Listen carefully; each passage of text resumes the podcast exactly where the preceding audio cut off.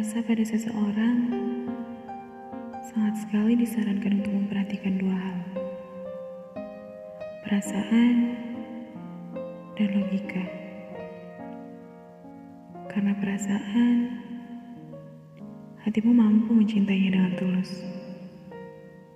Dan karena logika, kamu akan diarahkan untuk berpikir secara logis ketika rasamu tak diinginkannya lagi. Memang, tak semua orang mampu mempertahankan kedua hal ini. Tetapi, coba renungkan sejenak. Jika hatimu terus dipermainkan oleh seseorang yang tidak tepat, apakah kamu rela ia hancur berantakan begitu saja?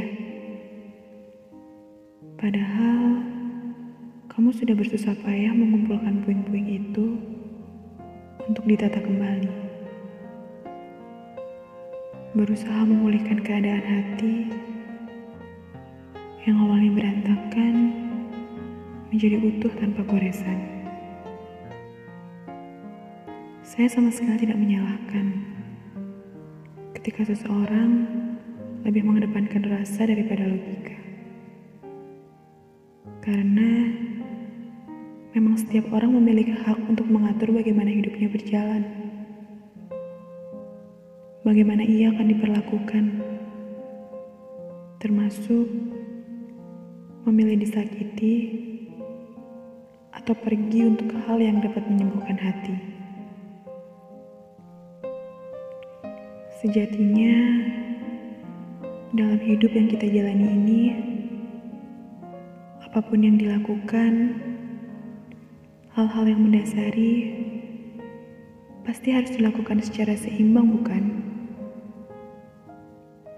Hak dan kewajiban saja harus seimbang.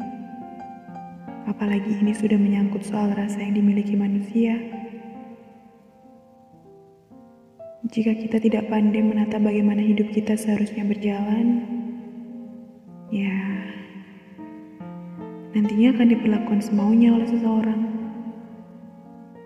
Sayang dong itu hatinya jika dibiarin diberantakin oleh orang-orang yang tidak bertanggung jawab.